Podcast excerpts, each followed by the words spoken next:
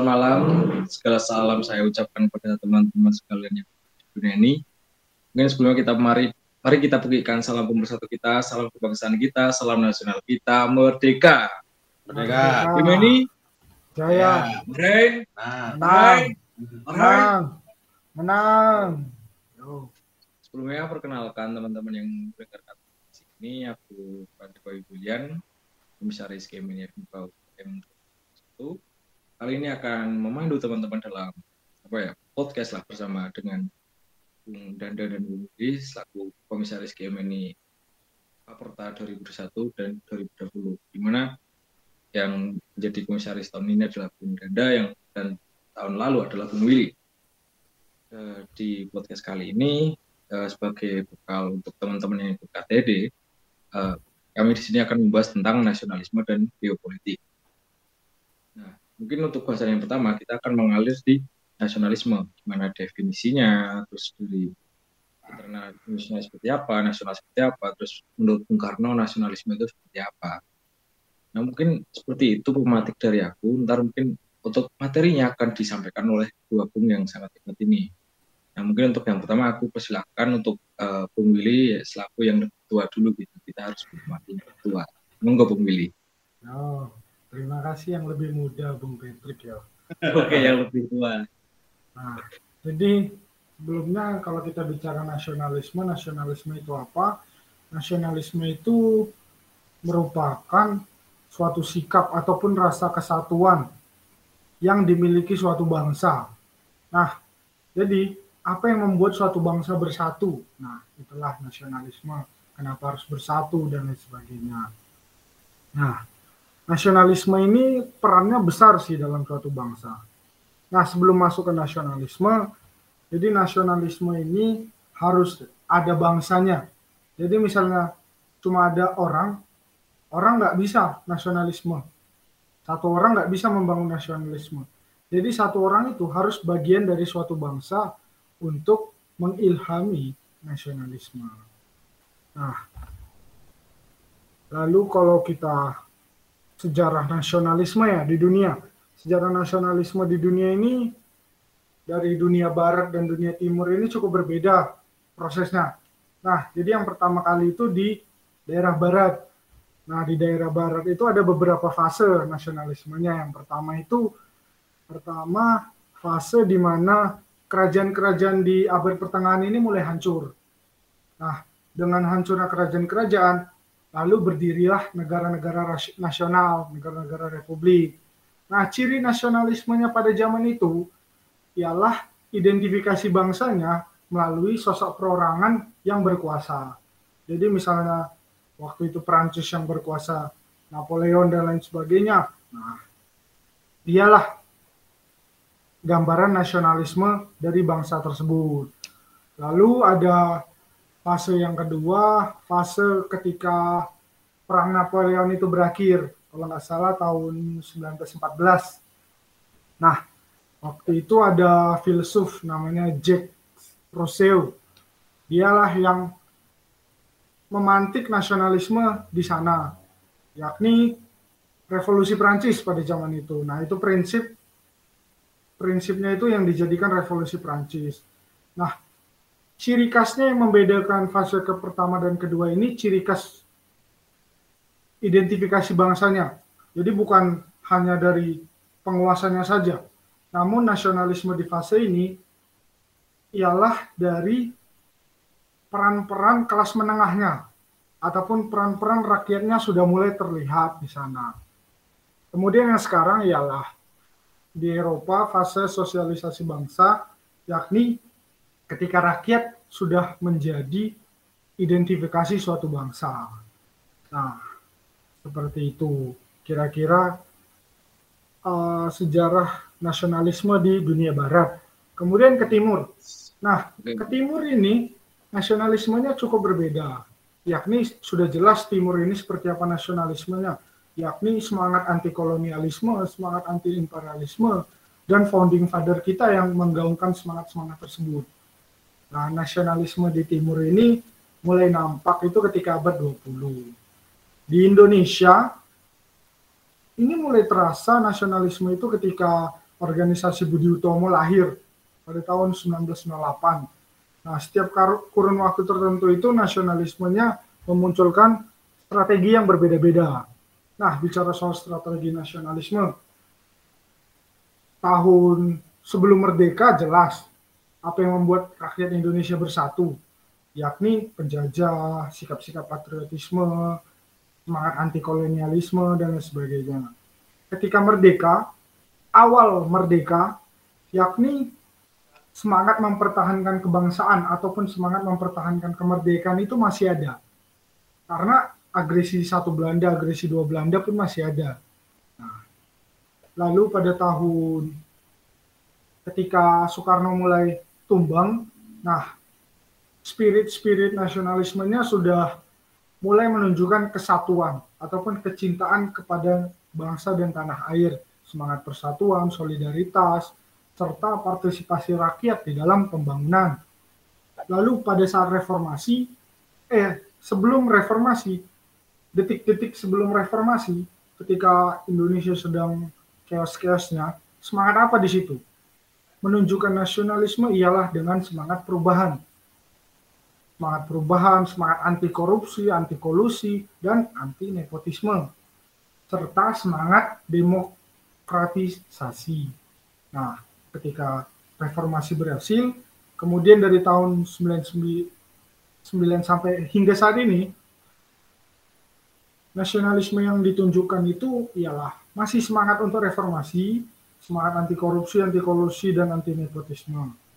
Kemudian ada juga semangat untuk melawan kemiskinan, kebodohan, lalu partisipasi rakyat yang lebih tinggi untuk melakukan pengawasan serta rakyat di sini menjadi pemberi masukan bagi kebijakan publik, semangat untuk menghormati HAM dan proses demokrasi dan lain sebagainya. Nah, itu gambaran singkat nasionalisme.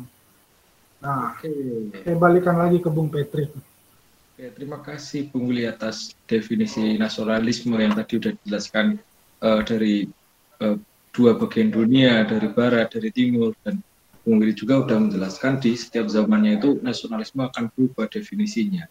Nah, kita uh, pada hari ini, nah, kita sebagai kader GM ini tentunya juga mengalami nasionalisme tersebut, di mana kita uh, sebagai pejuang berjuang yang memiliki asas maharinisme, di mana di dalam maharinisme sendiri terdapat uh, nasionalisme.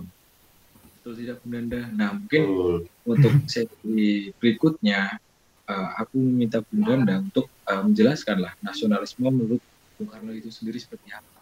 Oke. Uh, sebenarnya aku nggak menjelaskan, sharing aja. Oke oke. Oh, siap karena kan ini podcast santai. Jadi nek uh, nasionalisme menurut Bung Karno ini ada di sama Bung Willy ya tadi. Gimana sih konsep uh, nasionalisme ini mulai bergerak ke timur gitu. Dengan semangat anti kolonialisme semangat anti kalau Bung Karno bilang ada ada neokolim gitu ya. Terus di sana semangat anti imperialisme gitu. Bahkan setegas itu waktu itu Bung Karno ngomong uh, Inggris kita linggis, Amerika kita setrika gitu kan. Terus kita mendukung dari Pong, walaupun dari Pongnya sendiri sebenarnya menjajah gitu. Tapi ada suatu semangat untuk menyatukan bangsa, gitu. propaganda-propaganda itu bahwa uh, menggerakkan rakyat Indonesia untuk ayo kita jadi satu, kita tertekan pada posisi-posisi. Jadi ketika kita bicara dari awal tadi bagaimana ada Budi Utomo berdiri, terus ada Sumpah Pemuda juga. Nah, itu sebenarnya adalah suatu alur atau suatu gejolak yang lahir di masyarakat yang mendorong sebenarnya masyarakat ini sendiri memiliki rasa ingin merdeka dan mereka caranya gimana ya? Bersatu dan lahirlah uh, hadir sebenarnya bukan lahir. Hadirlah sosok seperti Cokro Aminoto kemudian di situ murid-murid yang hebat. Ada Semaun harus diakui walaupun tokoh PKI ya. Ah, terus ah. Itu ada ada Bung Karno, terus ada Kartosuwiryo, terus ada satu lagi yang tak sebut, aku lupa. Wong PKI kan. Siapa? Di United. Utu. musuh musuh musuh Oh, yang belajar di Rusia ya? ya benar nah jadi kan eh, tokoh-tokoh ini lahir dari seorang Cokroaminoto kemudian Bung Karno ini sebenarnya untuk mempersatukan orang-orang yang memiliki gejolak atau keresahan yang sama. Bung Karno ini membangun suatu propaganda. Nah sebenarnya Bung Karno ini siapa gitu loh? Bung Karno itu sopo sih ngono kan? Tadi seorang Kusno gitu kan. Itu siapa? Dan ya dia dengan bakat alami dan juga kemudian diasah oleh Cokroaminoto dia di sana mempersatukan rakyat Indonesia yang memiliki kerasaan yang sama, pemikiran yang sama dengan propaganda-propaganda itu tadi. Ya propagandanya apa? Ya kita nggak mau dijajah, kita harus berdiri sendiri, harus mencari. Kita nggak mau ditekan terus, kita nggak mau hanya jadi udah pacu dari bangsa-bangsa lain, termasuk bangsa-bangsa Barat. Nah, akhirnya mencapai kemerdekaan dengan gejolak-gejolak yang panjang sampai proses-proses kemerdekaan. Nah, kemudian masuk masa-masa stabil Indonesia di tahun 50-an uh, arah pergerakan nasionalisme Bung Karno ini mulai berbeda jelas propagandanya. Di mana kalau dulu bicara tentang penjajahan tentang kolonialisme ya kan? Terus perampasan uh, kaum kaum pribumi makanya lahirlah gerakan Marhen gitu ya. Tapi dulu Marhen ini kan sebenarnya menyerang borjuis borjuis dari uh, kaum kaum Netherlands atau kaum kaum Belanda gitu. Nah kemudian pergerakan ini berubah gimana Bung Karno itu membuat propaganda-propaganda ketika pemerintahannya. Di situ ada Nasakom, Nasionalis Agama dan Komunis. Kemudian juga ada yang namanya uh, gerakan Trikora, ya kan Trikomando Rakyat. Kemudian ada gerakan ada di Kora juga sebelumnya dan uh, gerakan gerakan dan ada Ampera ya kan amanah penderitaan rakyat.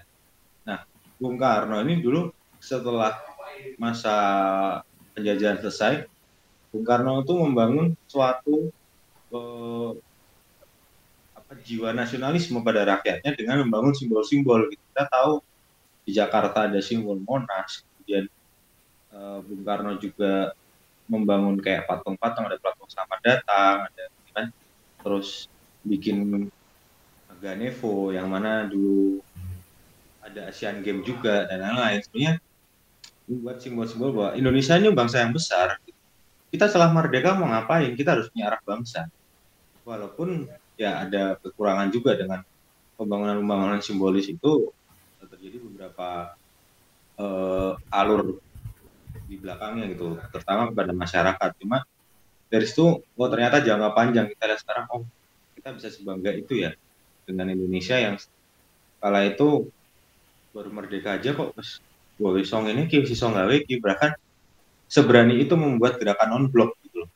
Dan menurutku apa yang dipikirkan Bung Karno pada waktu itu adalah membuat masyarakatnya itu merasa besar. Kita nih bukan oke okay, kita bangsa yang baru lahir, tapi bukan berarti kita tidak tahu apa-apa. Itu Bung Patrick. Jangan nah, dianggap kita tidak tahu apa-apa. Jadi itu Bung Karno sebenarnya memperlihatkan itu. Jadi kalau emang merasa anak-anak kayak Bung Karno, anak-anak ideologis ya, yang jelas kan kita bukan anak biologis. Nah kita harus uh, melihatkan jiwa-jiwa yang eh, kita ini hebat loh, kita ini besar. Kita harus bisa menunjukkan bahwa kita ini bangsa yang kuat, bangsa yang hebat. Jangan sampai kita terintimidasi.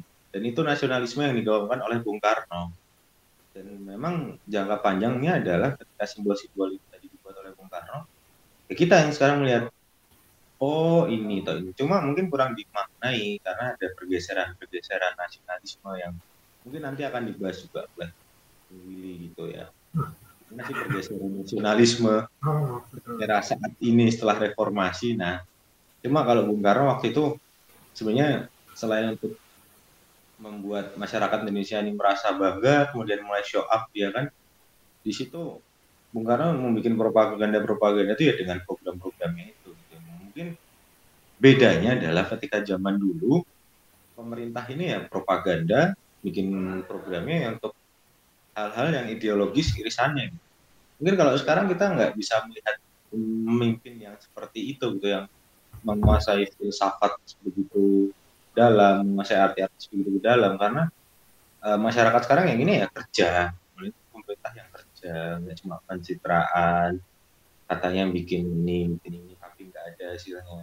Nah, sedangkan kalau masyarakat sekarang yang pengen lihat yang kerja, karena hal hal-hal seperti itu mungkin sudah nggak relevan untuk yang sekarang. Cuma apa yang dilakukan Bung Karno dulu sebenarnya masih menjadi patokan buat kita bahwa kita berani gitu untuk show up bahkan kita bisa memegang Rusia dan Amerika dalam waktu yang bersamaan pada waktu itu jadi menurutku Bung Karno menanamkan nasionalisme itu ya untuk membuat masyarakatnya itu sebenarnya bangga dengan bangsanya sendiri yang awalnya dari kita ini satu nasib satu penanggungan karena dijajah.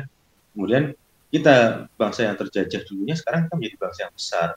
Nah kemudian sekarang kita menjadi bangsa yang seperti apa ya itu bisa didiskusikan lagi. Gitu pun oke Brenda nah tadi dari uh, sharing-sharing dari dua ini uh, tadi udah menyinggung tentang kisaran makna nasionalis zamannya.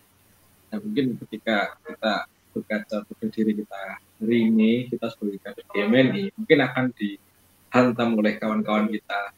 Memang kali ini GMNI tapi senasionalis apa kalian itu? Nah, mungkin untuk bahasan kali ini kita akan mengulik lagi uh, peran kita sebagai kader game ini untuk bisa dibilang nasionalis itu syarat cukup dan perlunya itu seperti apa kalau menurut sekalian gitu. Oke, Bung Willy sebagai ah. Pak Kom sebelum saya. Nah, siap Kom. Nah, jadi tadi yang dibilang Bung Danda itu 100% akurat ya, Bung. Nah, jadi kalau kita mengatakan bahwa apakah setiap masing-masing kader GMN itu nasionalis, tergantung sih Bung. Karena nasionalisnya nasionalismenya Bung Karno juga internasionalismenya yang ditunjukkan beliau dengan kemanusiaannya. Jadi ketika kader sudah memiliki rasa kemanusiaan yang tinggi, memiliki etos kerja yang tinggi, nah barulah dia bisa dikatakan nasionalis. Nah, tentu nasionalisme versi Bung Karno dan versi orang-orang itu cukup berbeda. Ada yang merasa bahwa nasionalismenya ini seperti ini, kayak misalnya bangsa Indonesia ini bangsa yang sangat-sangat besar, jadi dia melebih-lebihkan bangsa Indonesia. Nah itu merupakan nasionalisme yang menyimpang menurut Bung Karno. Kenapa? Ketika ketika ada rakyatnya yang menggaung-gaungkan menggaung-gaungkan kayak bangsa Indonesia merupakan bangsa yang besar hingga terlalu besar sehingga merendahkan bangsa yang lain. Nah, ini menjadi dampak negatif dari nasionalisme itu sendiri. Nah, itulah ibaratnya kecacatan yang dimiliki oleh nasionalisme itu sendiri. Itu otokritik dari nasionalisme. Ketika nasionalisme itu berlebih, merupakan suatu yang tidak baik karena nanti bakalan ada muncul-muncul situasi seperti xenofobia dan chauvinis. Xenofobia itu kayak misalnya kecenderungan seseorang ataupun pihak-pihak itu untuk membenci bangsa lain. Contohnya ketika gini, sering kali kan kita lihat kayak satu kasus yang nasionalisme kita berlebihan. Contohnya seperti pertandingan catur yang kita balik pertandingan catur yang lumayan lama ini seperti Dewa Kipas. Nah, fenomena Dewa Kipas ini memantik rasa nasionalisme bangsa Indonesia. Apakah itu hal yang baik? Baik ketika nasionalismenya masih batas wajar. Namun yang terjadi ialah nasionalisme yang berlebih-lebihan, berlebihan. Sudah menyerang menyerang lawannya Dewa Kipas itu sesuatu yang personal, diteror dan lain sebagainya. Nah, nasionalisme itu yang berlebihan. Nah, itulah yang menjadi dampak negatif dari nasionalisme itu sendiri. Padahal yang mengejek seberang itu belum tentu dia mengerti catur dan seperti apa itu catur. Dan diduga bahwa Dewa Kipas juga menggunakan aplikasi lain kan masih bisa terjadi. Nah, itulah nasionalisme yang dimiliki kader game ini harusnya nasionalisme yang kritis kita cari tahu perspektif ini, perspektif itu, baru kita bertindak. Berpikir dulu baru bertindak. Nah, seperti moto kita, pejuang pemikir, pemikir pejuang. itu harus diilhami oleh setiap kader, Bung. Menurut saya seperti itu. Oke. Nah, kalau dari Bung Dandeng, seperti apa? Nasionalisme sekarang. Ya. Nasionalisme sekarang, nek sebagai kader, sebenarnya aku setuju sih dengan Billy.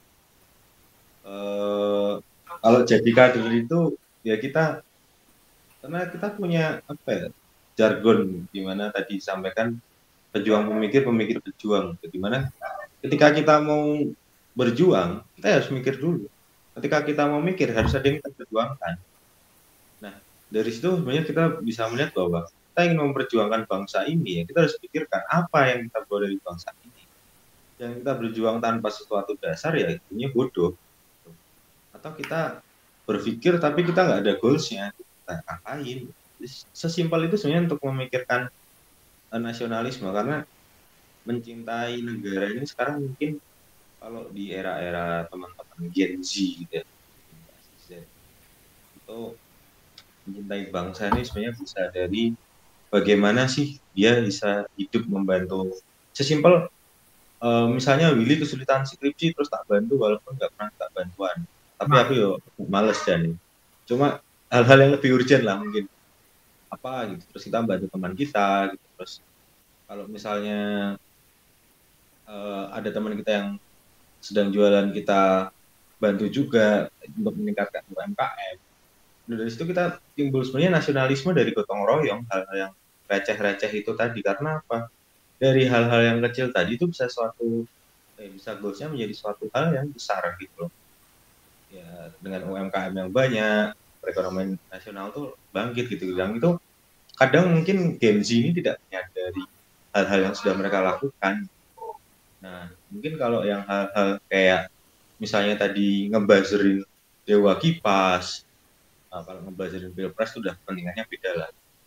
Cuma kalau ngebazerin yang kayak misalnya Remar ya dulu itu, itu, itu nasionalisme yang aneh gitu loh. Dari mananya nasionalisme gitu. Dan kita juga harus menjadi bangsa yang besar dan kesatria. Ketika bangsa kita emang kalah, ya kita harus legowo. Kalau kata sahabatnya Bu Patrick Iya, ya, benar. Nah, nah kita harus legowo dan kita harus mengakui emang kita belum bisa. Tapi ketika emang kita belum bisa di situ, kita punya lompatan-lompatan lompatan yang selanjutnya harus kita kerjakan, harus kita lakukan, nggak cuma stuck di situ-situ aja. Oh, berarti kita masih kurang di situ. Secara kesatria kita mengakui. Dan itulah bangsa yang sebenarnya diinginkan. Gitu Oke, kita kita dulu bodoh kita dijajah uh, David apa kena politik di apa David et Impera itu sangat gampang gitu loh.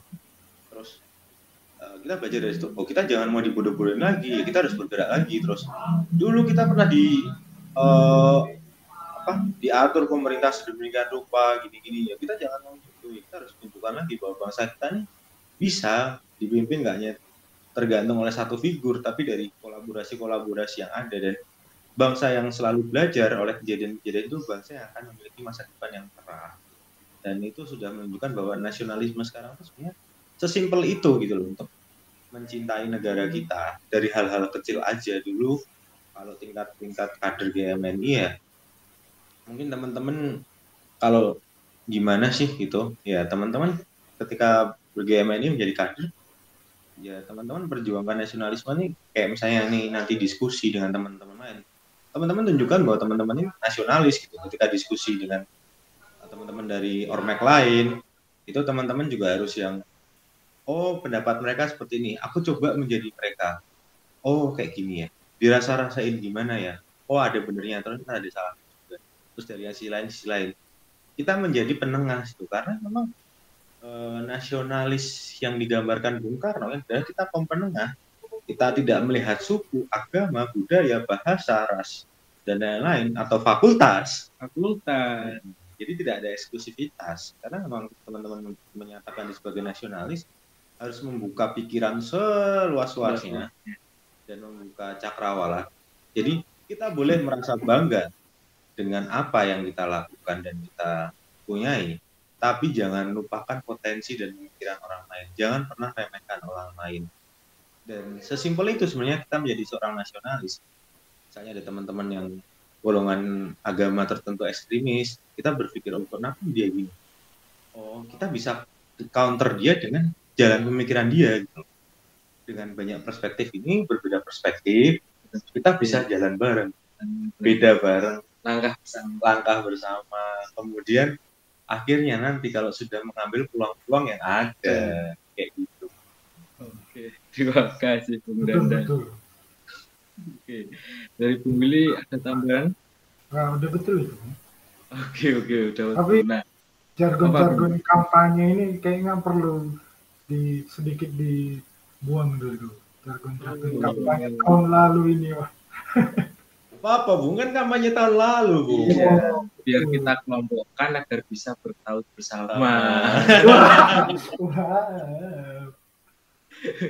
Oke, kita balik ke topik ya, kawan. Nah, Hmm. tadi udah kita sharing bareng tentang nasionalisme seperti apa. Terus eh, dan nyatanya nasionalisme itu bisa menjadi alat perjuangan kita di hari ini walaupun eh walaupun ataupun menjadi alat perjuangan eh, Soekarno di kala dulu gitu.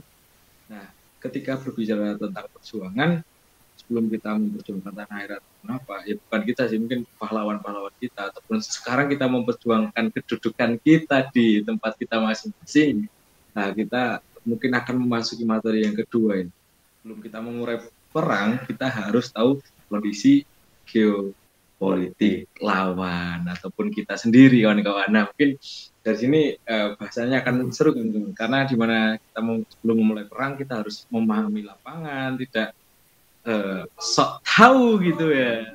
Jadi isu analisis sosial yang kita pelajari di game ini kita terapkan di geopolitik kali ini. Nah mungkin untuk awalan kita akan em, sharing lah tentang definisi geopolitik itu sendiri. Mungkin dimulai dari Willy lah. Monggo Willy.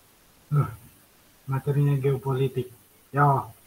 Nah jadi geopolitik itu setiap bangsa memiliki geopolitiknya masing-masing. Nah geopolitik itu merupakan kayak kayak suatu wawasan. Posisi suatu bangsa yang hidup berdampingan dengan bangsa lainnya. Nah geopolitik itu ada beberapa versi ya kayak geopolitik sebagai ilmu dan juga kayak geopolitik sebagai ideologi jadi ideologi tiap-tiap bangsa itu ada yang berbeda karena geopolitiknya. Nah, jadi aspek geopolitik dalam suatu bangsa tentu menjadi sesuatu yang amat sangat diperhatikan. Kayak misalnya geopolitik sebagai ideologi ini menjadi landasan ilmiah dari suatu bangsa untuk melakukan tindakan politiknya. Jadi wawasan tersebut dijadikan cara pandang untuk mempertahankan semangat kebangsaannya, mengambil kebijakan politiknya dan lain sebagainya. Nah, itu simpelnya geopolitik. Nah, tentu geo geopolitik ini ada pokok-pokok yang penting. Kayak negara itu apa sih? Negara itu seperti apa? Nah, jadi negara itu ada banyak versi teori dari geopolitik itu. Jadi kita ambil salah satunya aja yang umum lah. Jadi negara itu merupakan satuan biologis. Jadi kayak ada banyak organisme di dalam satu negara, baik darat, laut, dan udara. Nah, itulah bagian dari negara. Baru negara juga merupakan sebuah tuh sistem politik. Jadi seperti apa pemerintahan, eksekutif, legislatif, dan yudikatif, itu bagian dari negara. Kemudian negara harus mampu memanfaatkan kebudayaan dan teknologinya untuk mempertahankan kelangsungan dari negara tersebut. Nah, itu poin-poin penting yang membuat geopolitik suatu negara itu menjadi pembahasan yang seksi. Nah, kalau kita bicara geopolitik suatu negara, tentu erat kaitannya dengan geopolitik di dunia. Nah, jadi di dunia ini ada banyak cara memahami geopolitik suatu bangsa. Mulai cara secara umum, misalnya kita ingin memahami geopolitik dari Malaysia. Nah, Malaysia ini seperti apa sih? Kita bisa mencari tahu dari geopolitik umumnya. Kita bisa melihat orang awam bisa melihat dari media masanya. Kemudian film, novel, buku-buku, serta kartun-kartun ataupun bagian dari propaganda ke anak-anaknya. Kemudian geopolitik dalam situasi praktis, gampang saja kita lihat kebijakan luar negeri dari negara tersebut. Kebijakan birokrasinya, lembaga-lembaganya seperti apa, kiblatnya, lain-lain sebagainya. Kemudian ada namanya geopolitik formalnya. Jadi ini seperti apa kondisi kelompok-kelompok pemikirnya, seperti organisasi-organisasi pemudanya, seperti apa mayoritas pemikiran rakyatnya. Nah, contohnya di Indonesia ada banyak ormas, ada banyak organisasi, ada banyak ideologi di Indonesia tersebar. Nah, jadi memahami geopolitik Indonesia akan sangat lebih dalam lagi. Seperti dari kita harus mencari tahu seberapa besar kelompok anarko di Indonesia, seberapa besar kelompok kelompok separatis di Indonesia, seberapa besar kelompok-kelompok nasionalis, seberapa besar kelompok-kelompok agamis, dan mereka juga bisa menjadi penganut banyak ideologi sekaligus. Nah, kita satukan ke semua pandangan tadi, kita akan mendapatkan pemetaan, pemetaan dari suatu bangsa. Kemudian pemetaan tadi akan diolah menjadi batas-batas ataupun ruang-ruang serta uh, kayak zona bahaya seperti apa. Kemudian hal-hal tersebut merupakan representasi geopolitik dari suatu bangsa itu. Nah, tujuan-tujuan dari mempelajari geopolitik kenapa dimasukkan dalam materi podcast kali ini ataupun materi KTD kali ini karena teman-teman nanti waktu KTD bakalan mendapatkan ada materi namanya wawasan kebangsaan, politik, kelas politik dan ideologi dan lain sebagainya itu bakalan dipelajari. Nah, makna pentingnya ialah teman-teman itu perlu pelajari bahwa ada makna penting hidup bersama dalam ikatan kebangsaan. Jadi kenapa manusia ini hidup bersama, nggak hidup sendiri. Apakah mampu dia hidup sendiri? Kemudian ada juga untuk dapat menyatukan visi misi tujuan dalam suatu bangsa. Jadi suatu bangsa misalnya ada banyak nakodanya, tentu tak akan bisa berjalan. Oleh karena itu penting mempelajari geopolitik untuk mempelajari bagaimana arah kapal negara kita ini berjalan. Nah, ada banyak cara memahami geopolitik Indonesia, ada beberapa cara, yakni menggambarkan Indonesia sebagai negara kepulauan.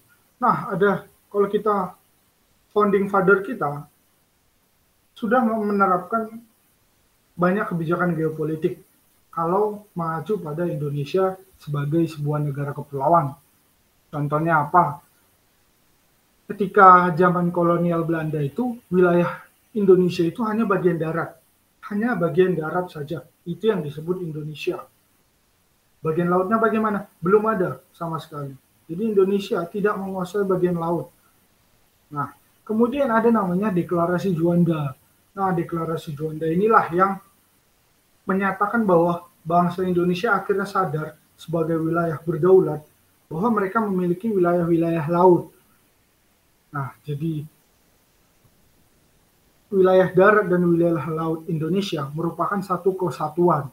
Itu kita sebagai negara kepulauan.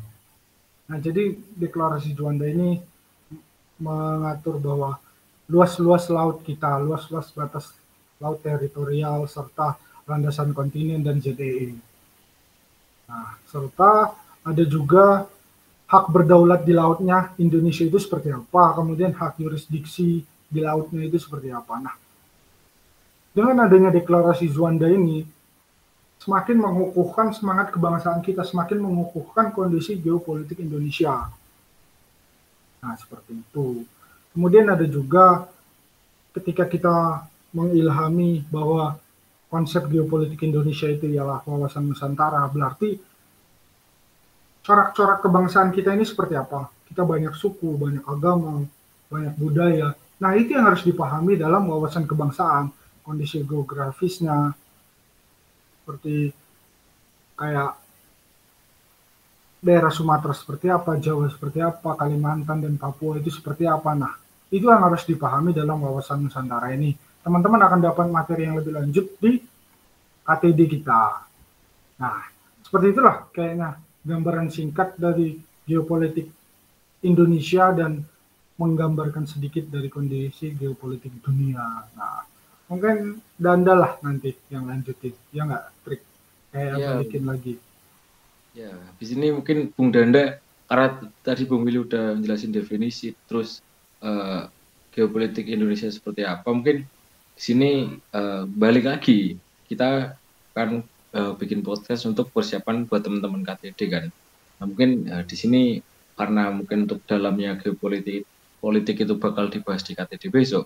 Nah, mungkin kita kali ini akan sharing sebagai gambaran penerapan geopolitik sebagai hmm. kita itu kader Gemini, apa itu di kampus maupun di luar kampus. Nah. Monggo Bung Ganda. Oke. Okay. Bung Ganda ini masternya sih kalau di kampus dan luar kampus. Silakan. Oh, saya ini kan menerapkan prinsip bahwa biasanya kita ini terdidik sebagai mahasiswa geografi. Iya. Yeah. Ah. ya. Pemetaan dan penginderaan jarak jauh. Wah, nice. Nah. Unsur-unsur penting dalam geopolitik itu. Itu sangat penting, Bung, dalam geopolitik. Jadi kita harus mengindra gitu kan. Mengindra dulu dari jauh seperti apa kondisinya, terus kita petakan. Nah, habis itu ke intrik sendiri. Wah. Wow. Intrik kok, kok malah curhat ya, Bung? uh, gitulah jadi nek dari aku sebenarnya sesimpel gini sih teman-teman melihat geopolitik teman-teman di rumah sih itu loh uh, di rumah melihat ayah dan ibu kalau melihat ayah dan ibu ini gambaran ya teman-teman jadi uh, teman-teman ini kalau melihat ayah dan ibunya teman-teman terus di rumahnya teman-teman kayak gini Terus misalnya teman-teman punya pasangan, bagi yang tidak punya, mohon maaf saya mungkin menganalogikan bagi yang punya pasangan. Jadi kalau teman-teman punya pasangan, eh, datang ke rumahnya teman pasangannya teman teman-teman ini, terus nanti ketemu nih sama orang tuanya sana. Belum tentu kondisi orang tuanya pasangan teman-teman sama dengan kondisi orang tuanya teman-teman. Jadi teman-teman harus melihat apa yang harus teman-teman lakukan ketika di sana, berbuat apa agar tidak salah, kemudian biar uh, goalsnya teman-teman ini tercapai, hubungannya langgeng dan direstui, teman-teman harus seperti apa? Harus baik-baikin orang tuanya, harus uh, jaga image dan lain-lain. Nah, itu yang teman-teman lakukan. Nah, sebenarnya itu konsepnya mirip-mirip kayak gitu teman-teman. Jadi kalau teman-teman di rumah bisa lebih leluasa mengatur hal-hal tertentu ya karena kondisi teman-teman dari lahir jebret, teman-teman udah paham karakternya orang tuanya teman-teman atau saudara teman-teman kalau punya kakak atau adik atau uh, yang ada di sana lah gitu teman-teman udah paham gitu tapi kalau teman-teman keluar ke tempatnya temannya teman-teman atau dari pasangannya teman-teman ya akan beda teman-teman harus menyesuaikan dipetain dulu apa, diamati dulu jadi ini tanya pasangannya teman-teman aduh kok mata ya nah terus habis itu nanti teman-teman petakan oh bapaknya itu kayak gini ya kayak Nah, sebenarnya dalam konsep geopolitik itu kayak gitu, teman-teman. Gitu Ya walaupun tidak sesederhana itu juga. Tapi karena ini teman-teman mungkin baru dasar dan masuk, konsep dasarnya kayak gitu. Teman teman-teman nih, mungkin nanti di fakultas atau yang udah pernah ngalamin gitu, masuk ke fakultas, teman-teman, misalnya kalau di Faperta atau di MIPA atau di FAPET itu ada departemen-departemen. Mungkin yang kerasa di pertanian sama di MIPA gitu. Yang tiap departemennya beda-beda gitu. Nah teman-teman misalnya nih aku sama Willy. Uh, ini contohnya aku pertaniannya tuh di sosek kalau Willy kan di perikiri eh apa? Perikanan. Perikanan. Oh, perikanan. Betul, betul. ya. Perikiri. Nah, oh perikiri benar nah kalau di sosek dengan budaya yang seperti ini ya jadi aku kayak gini nih kalau sama teman-teman sosek. Karena aku juga bagian dari mereka aku akan lebih gampang untuk masuk ke sana sini untuk uh, bergaul untuk bercengkrama dan lain-lain ketika aku masuk aku lihat nih oh Willy karakternya kayak gimana ya? Oh Rida karakternya kayak gimana ya? Oh Bung Syahrul karakternya kayak gimana ya? Nah ini aku lihat gitu. Terus misalnya nih kita di pertanian tetap ada satu kultur utama yang sama. Terus aku ke MIPA ketemu Bung Patrick. Bung Patrick ini karakternya gimana ya? Orang-orang MIPA tuh kayak gimana ya? Aku cari tahu dulu gitu. Ketika aku masuk ke sana oh mereka sukanya apa? Mereka kebiasaannya apa? Nah ketika aku masuk ke sana aku tahu aku harus ngapain terus harus apa yang dilakukan kayak gitu. Nanti pada tahapan yang lebih apa namanya lebih lebih praktis dalam katakan di sini praktis itu teman-teman mempraktekkan dalam kehidupan berpolitik dalam tanda kutip. Kalau di kampus gitu ya kita bicara tentang uh, pemetaan pemetaan kayak gitu. Misalnya nih teman-teman GMNI pertanian gitu mau kerjasama sama teman-teman GMNI hukum gimana gimana? Atau GMNI yang lain juga? Iya. Iya, iya. kita harus amati gitu. oh teman-teman hukum kayak gini teman-teman filsafat kayak gini teman-teman MIPA kayak gini.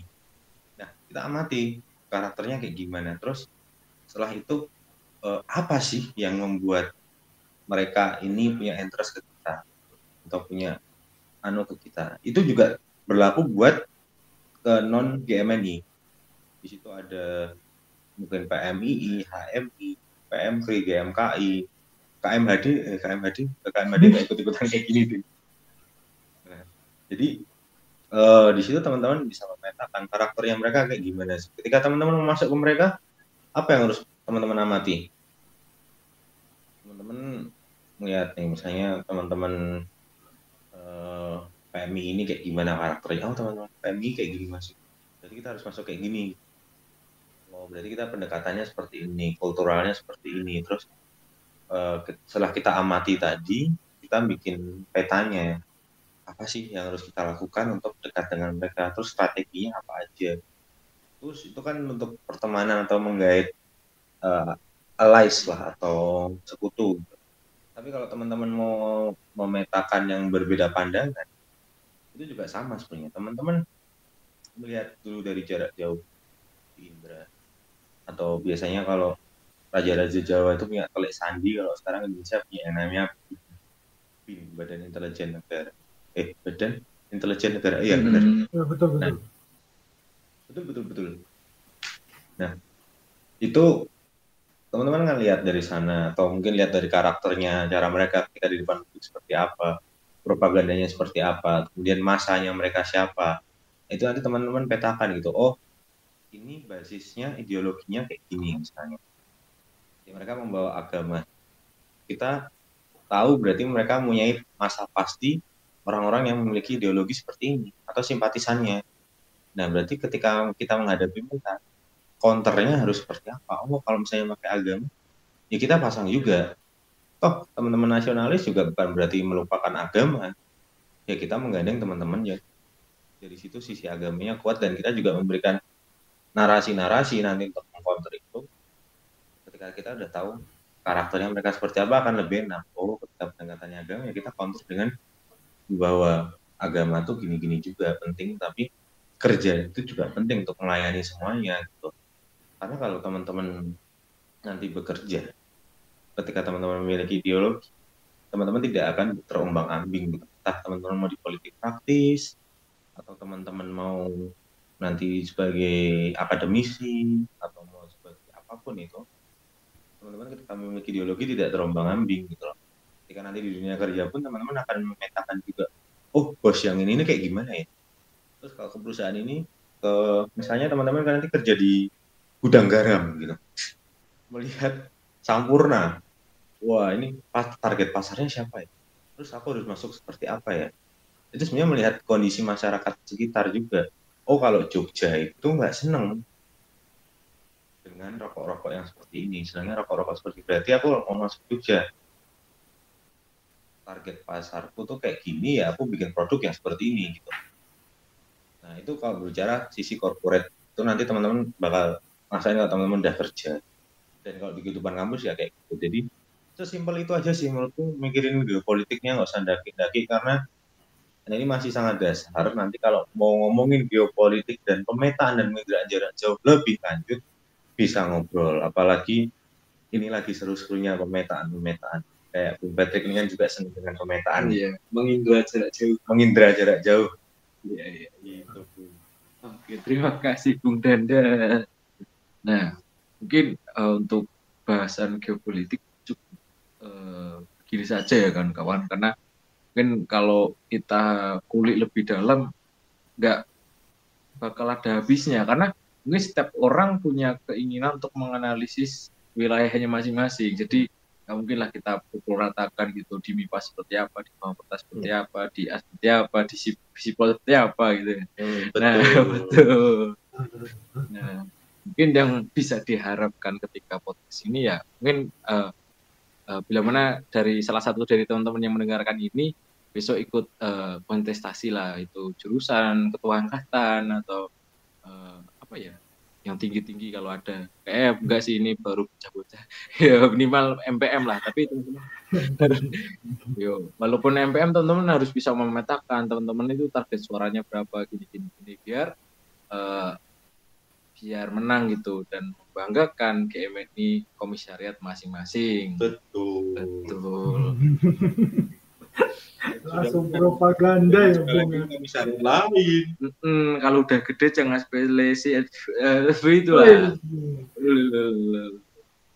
Nah mungkin itu aja teman-teman karena mungkin podcast ini udah berapa menit, takutnya teman-teman capek dengarnya karena eh, yang diharapkan ketika teman-teman eh, dengar ini teman-teman juga mengingat juga untuk kalau di KTD besok di diskusi eh grup eh fokus grup dis- diskusi besok. Nah mungkin dari aku sekali lagi mengucapkan terima kasih kepada Bung Willy, Bung Danda atas waktunya juga Bung Patrick materi kali ini.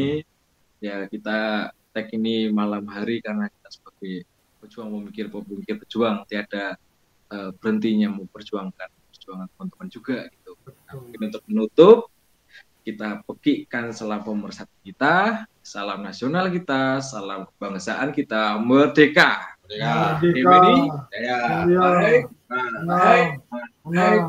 mana? Selamat eh, sampai jumpa di KTD besok. Jaga kesehatan dan Sampai jumpa. sampai jumpa dan jangan lupa banyak. Dan